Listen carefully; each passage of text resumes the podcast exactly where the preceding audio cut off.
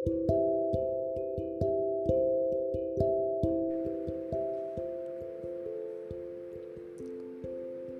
ucapkan selamat karena kamu telah bertahta di kerajaan yang semula aku tempati. Rajamu menyajikan hunian yang nyaman, bukan? Begitulah ia selalu mengusahakan yang terbaik untuk permaisurinya. Ketahuilah, sekarang aku sudah lebih ikhlas dengan mencoba membolak-balikan hati hingga sampai di titik rela. Sebab kenyataannya aku dan dia tidak bisa bersama. Semesta lebih memilihmu untuk mendampinginya. Mbak, bagaimana kabar dia? Maaf jika aku masih sering merindukannya.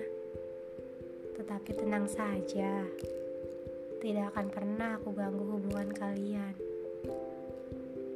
Karena aku tidak mau ada air mata perempuan karena kesalahanku. Namun, tak apa, aku mempercayakan dia padamu. Tolong dijaga ya. Aku selalu berdoa jika perempuan yang dipilihnya adalah orang yang tepat. Aku pun berharap kamu adalah perempuan yang baik hati. Dia sehat kan ya mbak? Tolong ingatkan dia agar selalu makan. Dia pasti masih sibuk ya. Kuharap kamu mampu memahami kesibukannya ya. Mbak, Jangan selalu mendesak kabar jika dia sedang pusing dan ada masalah.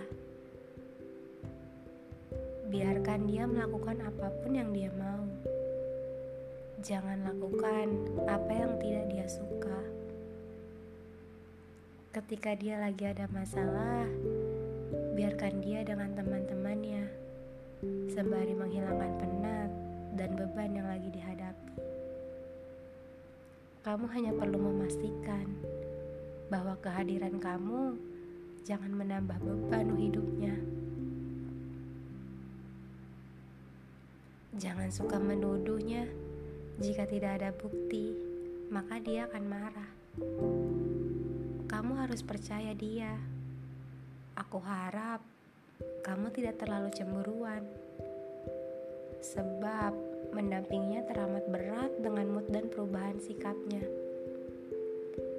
Dia butuh perempuan yang bisa memahaminya, perempuan yang sabarnya melebihiku, perempuan baik dan lebih segalanya dariku, perempuan yang bisa membuat dia bahagia dan tidak pernah membuatnya rugi tentang hal apa pun itu. Semoga kamu orangnya ya.